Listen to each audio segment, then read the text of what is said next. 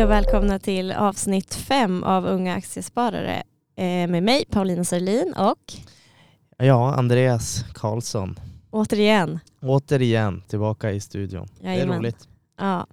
Men du, idag så är det ju ett lite mer friare avsnitt där vi pratar om sånt som ja, men vi tycker är intressant eh, och kanske lite mer nischade samtalsämnen idag än vad det har varit de andra gångerna. Ja, idag eh, har vi väl tänkt att gå in lite mer på investeringsstrategier och eh, jag har tänkt presentera lite olika koncept för hur man kan på ett ganska enkelt sätt eh, slå börsen och slå index framförallt. Då. Mycket bra. Trevligt. Det blir intressant att höra hur du tänker. Det känns som att du har så otroligt mycket kunskap. Ja, lite grann har man i alla fall Ja. läst på. Mm. Eh, men ja, vi kan väl egentligen bara sätta igång. Jag kan ju, kan ju börja dra, eh, ja, men, eh, dra igenom det här och så sen så eh, kan ju du också eh, prata lite om hur Mm. du eh, tänker. Absolut. Eh, men det jag tänkte vi ska gå in på är någonting som kallas kvantitativa investeringsstrategier. Och det låter ju ganska, mm, ganska jobbigt kanske. Tråkigt. Tråkigt till och med. Ja.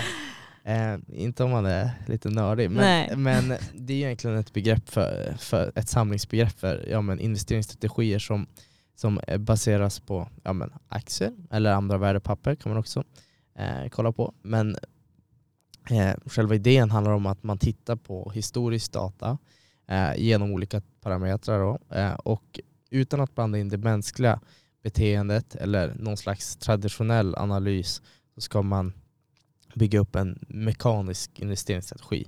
Och det, det kan ju låta ganska eh, lurigt men det handlar egentligen om att titta på vad som har fungerat tidigare eh, i historien och så sen eh, sätta upp ett gäng regler för hur man ska eh, ja, men, agera och Mm. eh, eh, sortera ett gäng aktier då, utefter, utefter de här reglerna och egentligen bara välja de som är bäst utefter de här reglerna.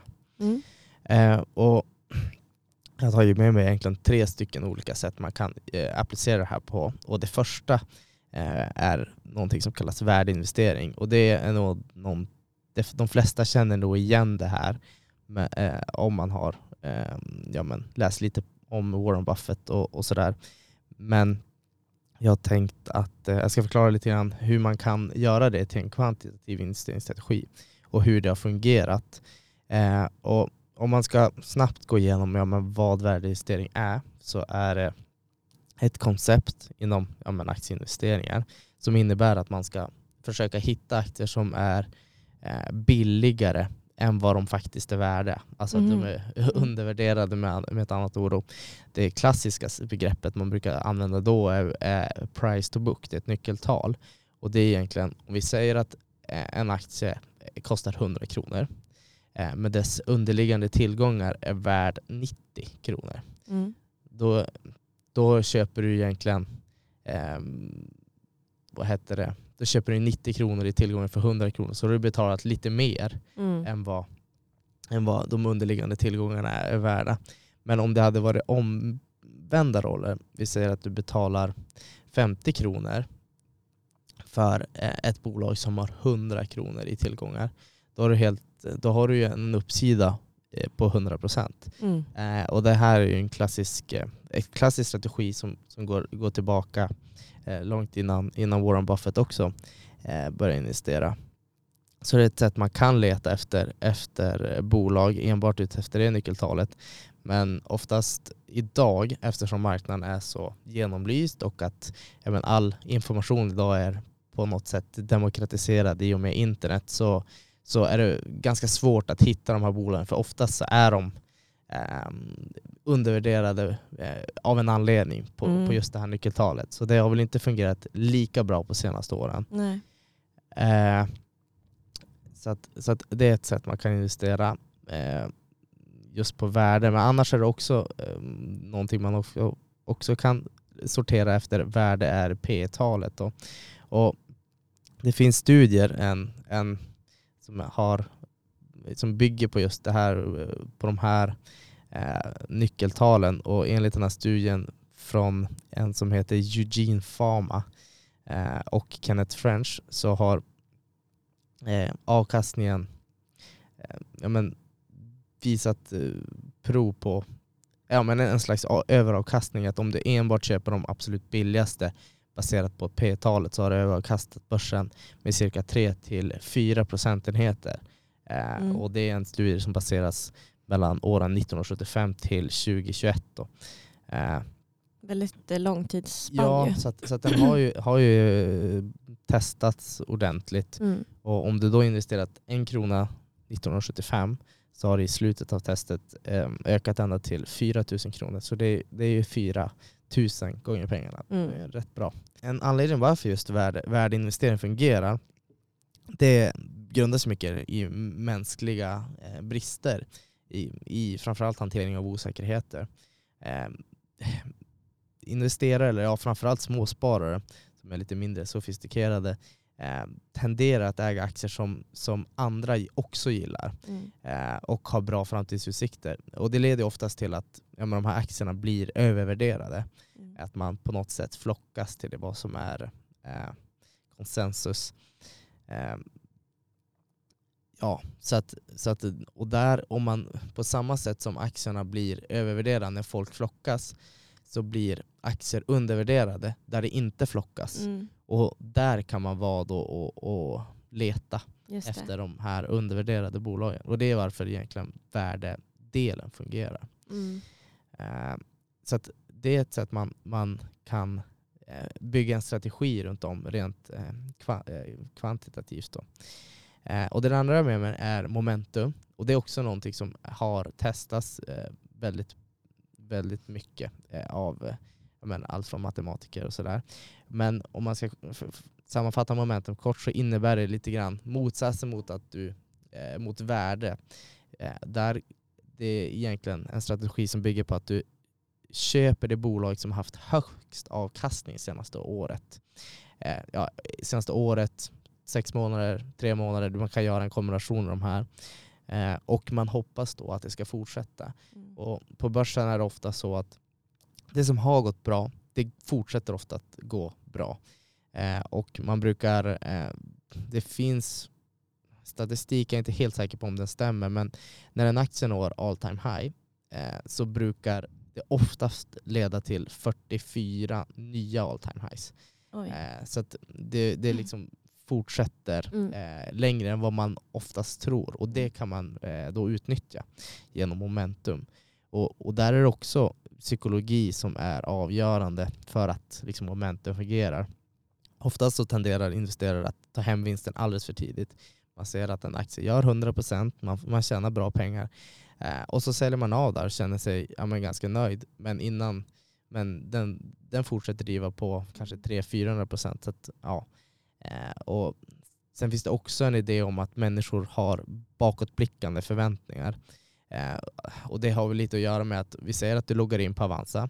Du har fått höra om någon aktie av, av någon kompis eller du har liksom fått upp ögonen för det här för ett bolag och så går du in och kikar på Avanza och så ser du att aktien är ner 90% senaste året. Hur många blir köpsugna då? Mm. Inte jättemånga. Nej. Eh, man blir inte det. Eh, men på samma sätt om det har gått upp, ja men vi säger 30-40% då, blir man mer liksom Mm. köpsugen. Man, utan man kollar mycket på grafen. Ja men det här har gått bra, då borde det fortsätta. Mm. Och, och eh, det kan man utnyttja, utnyttja då med momentum. Eh, och den sista jag har med är kvalitet. Och det är lite halvdiffust begrepp. Men det är också en viktig faktor som men, eh, duktiga investerare som Warren Buffett har, har, eh, brukar använda sig av. Och det man kan enkelt system, system? Systematisera. Ja, precis. eh, och försöka få fram då eh, kvalitetsbolag genom att mäta eh, dess prestation utifrån ett visst nyckeltal. Eh, och man brukar oftast mäta kvalitet baserande på lönsamhet, kassaflöden. Eh, men någonting som är kanske det mest vedertagna begreppet för just kvalitet är avkastning på investerat kapital. Eh, och det brukar, I finansmedia använder man oftast någonting som heter ROIC, R-O-I-C och står för Return on Invested Capital. Eh, och det är ju egentligen ett, ett nyckeltal som visar på hur effektivt man lyckas, lyckas förvalta investerat kapital. Eh, och man vill ha så hög ROIC som möjligt. Om vi skulle leka med tanken att ha en ROIC på 30 Då innebär det att för varje krona investerat i bolaget så får bolaget tillbaka 30 öre mer. Mm. Eh, så det är 30% ökning då. Så det är ju det är för övrigt jättebra Mm. om, man- om, om man hittar ett sånt bolag. Mm. Eh, så att, men det är lite grann om man ska sätta det i ett perspektiv. Och om man nu, skulle liksom vara intresserad av att investera på ett sånt här eh, kvantitativt sätt, hur ska man då göra? Eh, ja, jag har någonting som jag gör i alla fall, eller något, ett lätt sätt är att använda en tjänst som heter börsdata. Och börsdata, eh, där kan man filtrera eh, aktier utifrån de här nyckeltalen jag har pratat om. Eh, men även momentum och de har en del kvantitativa strategier som de erbjuder att man bara kan eh, sortera efter så att Mm. de kan hj- hjälper till med det också. Eh, men där, där så kan man egentligen bara gå in, kolla vilka har lägst P-tal och eh, om man ska börja med värde till exempel så, så kollar du efter de 10-20 absolut billigaste baserat på, på nyckeltalet eh, P och så köper du dem. Eh, det man ska ha klart för sig då är ju att, att de här bolagen eh, oftast är billiga av en anledning och Mm. eh, det, det kommer vara vissa liksom eh, eh, vad säger man, bajsmackor Ja. som kommer som, ja, men som inte kommer gå bra. Nej. Men jag har med mig lite, lite kuriosa, lite data här just på om man skulle välja att köra enbart på det billigaste P-talet så har eh, mellan år 2000 och 2021 så har eh, en investeringsstrategi som enbart köper de absolut billigaste bolagen på, på PE, de, alltså topp 10 Mm. och viktar om en gång per år så har det gett en, en årlig avkastning på 19,1% mot börsens 10. Så Mm. att det har ju eh, Det är fortfarande gynnsamt. det har överpresterat otroligt mycket. Ja. Eh, så att det är fortfarande otroligt häftigt för att Mm. just det, de här siffrorna, 19% det är på 20 år, det är Mm. inte många som är där uppe och nosar bland Nej. aktiv förvaltare. Eh, det är det absolut inte. Så det är väldigt intressant, man kan, och på ett sätt kan man göra det väldigt enkelt för sig Mm.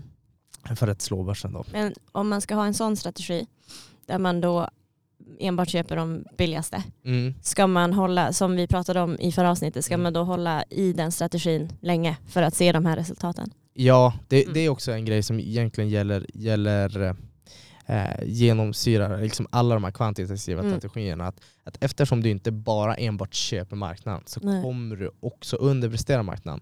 Så att en del av de här, de här strategierna underpresterar marknaden i upp till tre år. Mm. Och då måste man kunna stå där, Mm. se sina kompisar tjäna typ 30% och bara åh kolla jag har köpt eh, den här raketen, jag är snart miljonär. Ja. Men då, då är det viktigt att du står där, bara, men jag litar på det här, det här Mm. kommer funka över tid, men just nu så underpresterar den. Och det är där oftast människor fallerar. ja. Att det här funkar inte, bara, nej för att du inte lyckades hålla i din Men strategi. så nyckeln är, när det kommer till de här olika strategierna, att faktiskt hålla i längre än vad en annan skulle ha gjort. Ja, men framförallt att inte in, blanda in det mänskliga psyket. Nej. För det är ju det allting bygger på, Mm. att, att liksom helt bara stoppa det i sopkorgen Ja. och lita på att det har fungerat över tid och Mm. kommer fortsätta göra det. Men om man skulle ha använt sig av, visst var det P-tal Mm. det här grundar Ja, sig på? Då kan man inte någonsin köra swing trades. Eller? Eh, ja, Då måste man hålla sig till det här. ja, då, ja du, alltså så här, du kan ju dela upp dina pengar hur du vill. Du kan ju ha Mm. ja, men 10% som du gör Mm, swing trades med, lite fonder, lite så, här, så att, så att, men Mm. ja, man ska inte blanda in det Nej. i, i, Nej. ihop det. Liksom. Man Nej. kan ha olika eh, kompotter, liksom. Ja, absolut, Mm. om man vill ha någon slags swing trading eller inte. just det. Eh, men om man å andra sidan skulle vilja köra till exempel momentum så kan man eh, också på eh, börsdata eh, sortera för dem, de som har gått absolut bäst. 3, 6 och 12 månader om man så vill. Och ja, på så vis få reda på vilka, vilka bolag som har, haft bäst momentum för tillfället då, och köpa de 10-20 eh, bästa. Då. Mm. Och där finns det också data efter, på, på just momentumstrategin. Så jag tänkte ta upp det. Eh, och det är en som har gått otroligt bra, på, speciellt på Stockholmsbörsen. Mm. Eh, och det är också, kan ju ha att göra med att de senaste tio åren har haft, eh, ja det har bara gått rakt upp. Många, I hela 10-talet nästan. Mm. Eh, men de senaste 20 åren har Momentum-strategin levererat en avkastning på 35% i snitt per år Herregud. i, i 20 år. Eh, och en sharp på 1,31. Mm. Och det är outstanding, det är Mm. otroligt bra avkastning. Mm. Och ja, men avkastning som folk drömmer om. Mm. Man brukar säga att, att eh, 15% kagger i snitt eh, på fem år så dubblar det kapitalet. Så, eh, och 30 det blir väl typ på två och ett halvt Mm. år, tre år ungefär mindre som, som du dubblar kapitalet. Mm. Det går otroligt fort. Eh, men då ska man också veta att den här momentumstrategin har en maximal drawdown på de här 20 åren på 50%. Så Mm. du har fått se din portfölj Mm. halverats åtminstone en Ah, gång. Gud. Vilket, eh, och, då brukar folk liksom kasta in handduken. Ja, då, det pallar man inte. Nej. Nej. Eh, och, ja, då får man ju inte heller njuta av 35% kajer. Så det är egentligen på ett sätt får man ju bara välja. Ja, exakt. Att, eh, men det viktiga är att man är förberedd på det Mm. också. Att det, det, det kan ske. Mm. Och det kommer förmodligen ske Ja. om man ja, men investerar på en 20-årig period. Men den sista då, eh, kvalitet. Eh, där har jag inte någon data som enbart väljer ut de absolut bästa nyckeltal, alltså med avseende på ROIC har jag, har jag inte data. Men jag har eh, hittat data som blandar ihop liksom, eh, det här nyckeltalet eh, ROIC och eh, momentum. Mm. Och eh, man kombinerar ROIC med momentum, eh, det vill säga de som har högst ROIC eh, med de som har högst momentum på de senaste 20 åren då på svenska börsen så har det gett en KG på 27 procent. Eh, och det är också ja, Mycket bra. mycket bra. Och, ja, man skulle vara väldigt nöjd om man skulle Ja. eh, lyckas med det. Mm. Eh, men oavsett vad så finns det ju lite att tänka på. Vi har ju pratat lite grann om att eh, om det tidigare, men, men man kommer underprestera marknaden ibland och då gäller det bara att Mm. hålla i, hålla Mm. i och, och fortsätta göra precis som man alltid har gjort. Mm. Eh, så att eh, det blir ju så när man, när man på något sätt investerar inte exakt som marknaden. Eh, och det finns även vissa säger alltså man kan köpa topp 10 eller topp 20 Mm. och, och gör inte någon egen värdering. Eh, för det finns väldigt många exempel på experter som, som går in på de här listorna för de vet att de funkar bra. Mm. Eh, som tänker att ja, men jag kan ju bara stockpicka utifrån de här listorna. Jag tar de, de Mm. tio bästa bolagen och så sen så eh, kommer jag överprestera till och med de här 27 procenten till Mm. exempel Mm. och kanske få 40-50. Ja. Eh, men det är oftast då man, man underpresterar. För ibland kan det vara så att, att, att eh, ja, men vi, säger, vi tar till exempel ett bolag som har varit eh, HSA 2015 Fingerprint, kommer in i den här Mm. portföljen för den har haft kanske högt momentum. Eh, och så tänker de så här, nej men vad fan det här är ett skräpbolag. Mm. Eh, de, de har, det har ju varit massvis med skandaler kring det här. Och så är det just det bolaget som, som ja, men av Mm. någon anledning gör 100% och så sen ja, eh, halkar man efter direkt. Så, Mm. att, så att man ska inte lägga in någon egen värdering Nej. egentligen i aktierna. Eh, och så sen så är det viktigt att man gör klart för sig när man ska ombalansera. Vi säger att man, man får en lista på topp 10 P-tal. Eh, då kanske du uppdaterar den här listan eh, var, varje år eller varje kvartal till exempel. Mm. Och eh, så byter du ut de aktierna som, inte, som åker ur listan och de som kommer in. Och så sen gör man så bara. Eh, och det är väldigt enkelt Mm. egentligen eh, för, för gemene man att, att göra så. Och det, det är det som är så himla intressant. att det, det är inte så, Jag upplever att det är inte så många som gör det här. Eh, på ett ganska enkelt sätt kan man faktiskt slå börsen. Utan det är vanligare att man försöker eh, leta på fundamentalt vis slå börsen Mm. genom att man ska på något sätt tänka själv, leta i, gräva i årsrapporter. Eh, och för mig var det i alla fall någonting som, som ja, jag tyckte det var inte var så roligt. Nej. Men jag det ville är- ändå slå börsen. Ja, det är mycket dutta runt och mycket, det läggs ju mycket tid på det. Än Mm. att om det finns nu uppenbarligen etablerade sätt som bevisligen funkar över tid.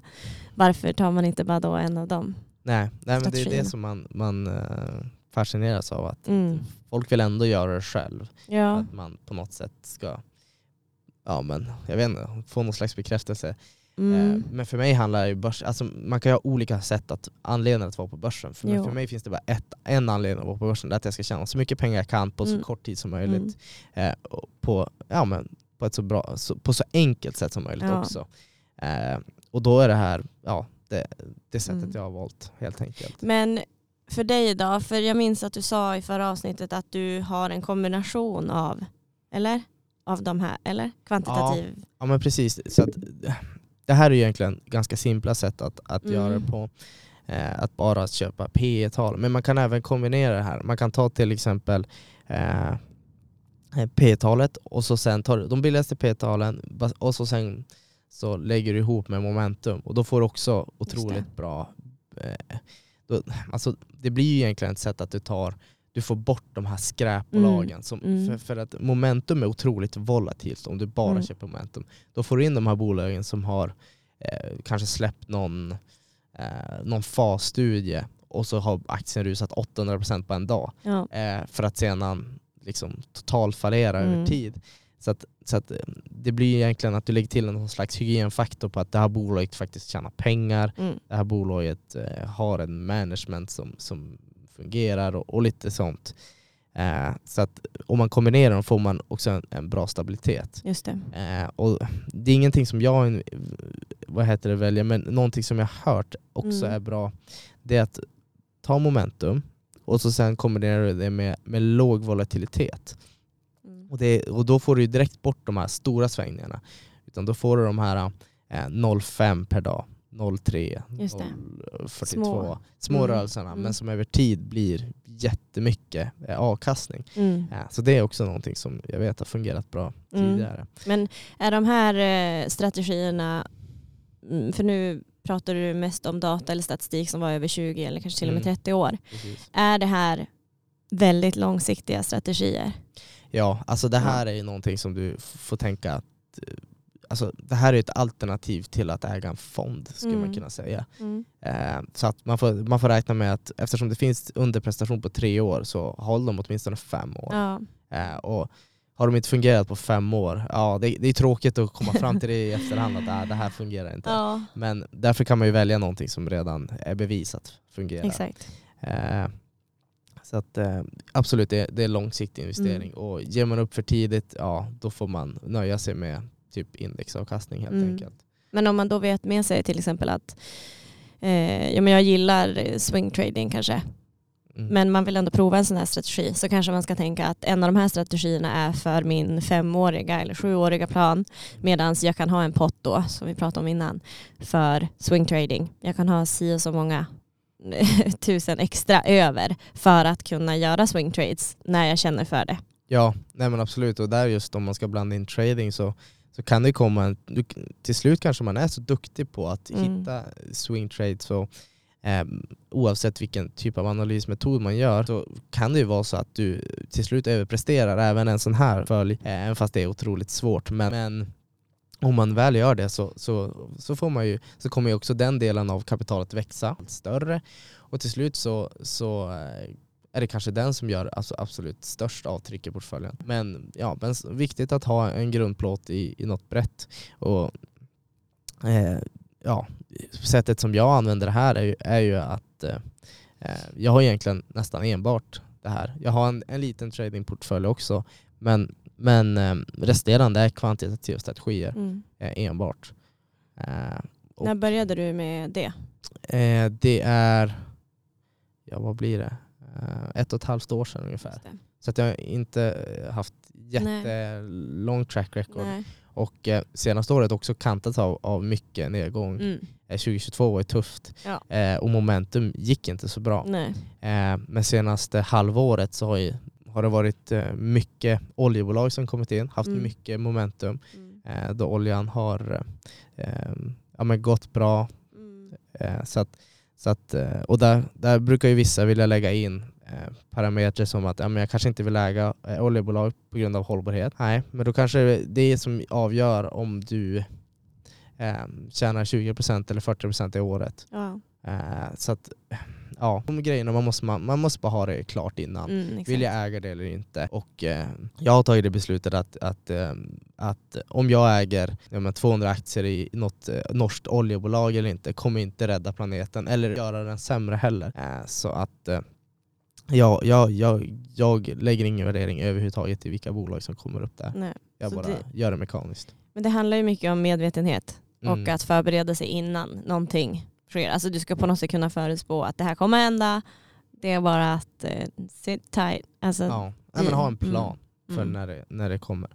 Eh, och då, då finns det bra potential helt Ja. enkelt. Ja, nej, men det väl lite kort om, om kvantitativa strategier och det Mm. finns ju jättemycket att, att googla på nätet om det här. Det är väldigt intressant. Alltså, och att få höra rent typ praktiskt och så här krasst hur en strategi kan se ut. För det, det har jag inte alls liksom, djupdykt i överhuvudtaget. Jag har bara typ swingtradat, eh, hoppat på olika rön eller Mm. rånarön. Liksom så. Eh, och också investerat i fonder. Mm. Eh, men min är, portfölj är väldigt blandad. Den är ju Mm. typ 50-50 nästan. Men jag har ändå, jag kanske lite mer aktier än vad jag har fonder. Jag tycker aktier är roligare än fonder också. För att det händer mer. Ja, men det blir ju lite mer eh, att man följer med i nyhetsflödet Mm. och, och så släpper de rapport och så är det lite sånt där. Så det är ju roligt och det är väl också en grej som, som eh, jag gjorde fel i början, alla de här misstagen man alltid gör Mm. när man börjar investera. Att, att, att först bara, ja, men, vill följa med i de här bolagen, det är Mm. hett, det är kul att höra vad andra tycker och Mm. tänker.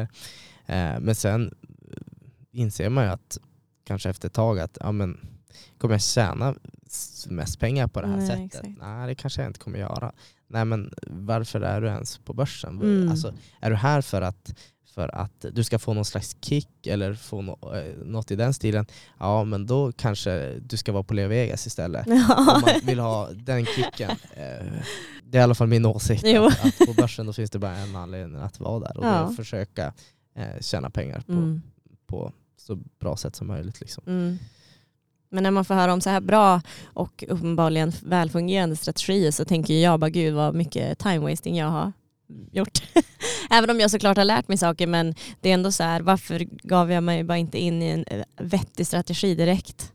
Ja men mycket har att göra med att, att det är ganska eh, under, eh, vad säger man, Eh, det är inte så många Informerat som, pra- nej, det är inte så om- många nej. som pratar om det. Och det finns väldigt enkla sätt man kan göra det på. Men, men eh, jag menar, om du tar de här fonderna, de tjänar ju pengar på att de har mycket kapital Mm. i deras fond. De tar Mm. en liten procentandel och vissa till och med performance fee på ja, men mängden kapital de har i fonden. Det är klart att de inte står och, och pratar om Nej. något sånt här. Utan det är, det är privatpersoner som, som bygger det här framförallt. Och sen kvantitativa strategier är, är mer pratat om, eller mer pratat om, vad ska man säga, det är mer utvecklat eller Mm. mer vanligt att man hör i, USA. Och där finns det en, om det är någon bok jag tycker, om man ska ge någon bokrekommendation på, på det här temat så finns det en bok som heter The Little Book That Beat the Market av en som heter Joel Greenblatt. Och han, han sorterade enbart ut efter ett nyckeltal Mm. eh, som han då kallade the magic formula. Eh, och där använde han det här nyckeltalet, jag minns inte exakt vilket det var men jag tror det har att göra med de här eh, free cash flow eh, nyckeltal. Eh, det kan man kolla upp i efterhand Mm, om man mm. vill. Men, eh, och det han gjorde som var lite unikt är att han köpte dem som absolut billigast på de här nyckeltalet. Men han också kortade, han gick kort de bolagen som var dyrast på de här nyckeltalen. Oj. Det kan man ju tycka är en ganska våghalsig strategi. Ja, det låter det ju har ju, men det, det gav otroligt bra avkastning eh, under tiden han eh, investerade. Mm. Men sen så vart den, den fonden så pass populär och eh, Mhm. så pass... På grund av eh, honom då? Ja, på Ja. grund av honom. Ja. Så att, eh, så att eh, jag vet inte hur bra det funkar idag Nej. eftersom det varit lite crowded, crowded trade. Så, eh, men det han eh, ofta liksom fick höra, eller det, det som, det, de problemen han upplevde med fonden var ofta att människor eh, kunde inte följa fondens regler på samma Nej. sätt som honom. Han visste ju att den här strategin fungerar. Mm. Eh, Men när marknaden gick ner så tog fo- folk ut pengar Mm. från fonden. Och det gjorde att liksom, den gemene man underpresterade ändå Mm. ganska grovt den här eh, fonden. Eh, för att man var inne och dutta alldeles Ja. att till slut, jag tror det var han i alla fall som, jag tror till slut så, så gav man tillbaka alla, Oj. alla pengarna. Att Mm. han sa att det här funkar inte. Ni får eh, göra vad Dutta ni vill. på. Liksom. Ni får dutta på bäst ni vill. Jag kommer sitta med min strategi och tjäna Ja. pengar. För, och där blir ju också att, att man kan tycka att det är lite konstigt men, men din avkastning kan ju påverkas av att fonden tvingas sälja för att möta liksom utflödet ur fonden. Exakt. Att man tvingas eh, dra ner på en viss eh, eh, aktie eller så. Det är, det är intressanta strategier. Det Verkligen. tycker jag verkligen alla ska kolla in på mer. Det är jättelärorikt. Mm. Alltså, och väldigt bra att få höra det. Även om, alltså, framförallt om man är helt ny med, med att trada eller att vara på börsen överhuvudtaget. Att få höra det här i rätt tid innan man fuckar ur. Ja. Innan man börjar dutta. Mm. Det är väl, ja. Ja, nej men det, det är väl någonting som, när jag började så hade jag ingen strategi alls. Nej. Alltså, det var mer så att man, man bygger en Lite här och lite där. 12 bolag eller Mm, någonting. exakt. Så det är otroligt viktigt att Mm. veta vad man ska göra i olika tillfällen och sådär. Vad man gör. Och typ planera för det och tänka igenom varför gör jag som jag gör. Mm. För annars blir det ju att man sitter där sen och åh nu blev det jätterött här. Ja. jo exakt, man klagar aldrig när det blir jätteblått. Nej exakt. Sen kan jag tipsa om någon, en hemsida som, det var egentligen ja, en podd som jag började lyssna på som, som ja, men, gjorde mig medveten om just de här eh, investeringsstrategierna och det är en hemsida som heter Börslabbet. Mhm. Eh, och det är utöver eh, Börsdata kan du bygga strategierna själv men Mm. Börslabbet har erbjuder de här eh, s- olika typer av strategier till dig som privatperson. Då. Alltså färdiga strategier liksom, Ja, eller de- paket de, kan man säga Ja, de kanske. är backtestade, Ja, eh, ja. backtestade på Stockholmsbörsen. Så det är också en jättebra eh, Mm. hemsida. Att, Bra eh, ingång. Ja, kolla på. De tar dock betalt en, en slant, men det gör Börslabbet också. Ja. Eh, men det kan vara, kan vara värt det över tid. Mm. Och eftersom man enbart kanske väljer att ombalansera sina portföljer en gång Mm. per år så blir det inte så dyrt heller. Exakt. Eh, det kan bli desto dyrare om du bara går in och YOLOar. Ja. Ja, men eh, sammanfattningsvis ska man inte dutta på utan hitta en strategi som du tror på Ja. och sit tight även när det lyser rött. Ja, ja men, nej, men det är väl, det är väl summan väl av det. kardemumman. Ja. Men du, tack Andreas för att du var här idag Ja, tack själv. och lärde mig massor. som, sånt som jag aldrig hade hört förut. Jättebra och eh, viktig information. Då hörs vi Ja. kanske om några veckor. Vi får se när vi släpper ett avsnitt igen. Ja, nej, Eh. men vi har väl gjort åtminstone fem avsnitt nu. Ja, Eh, är en bra och, start. eh, Ja, jag tror de flesta i styrelsen eh, tycker att det här har varit roligt Mm. och, och taggat så det kommer säkert fler avsnitt. det kommer säkert mer. Mm. Men tills dess så får alla som har lyssnat ha det så bra. Ja. Hejdå. Hej då.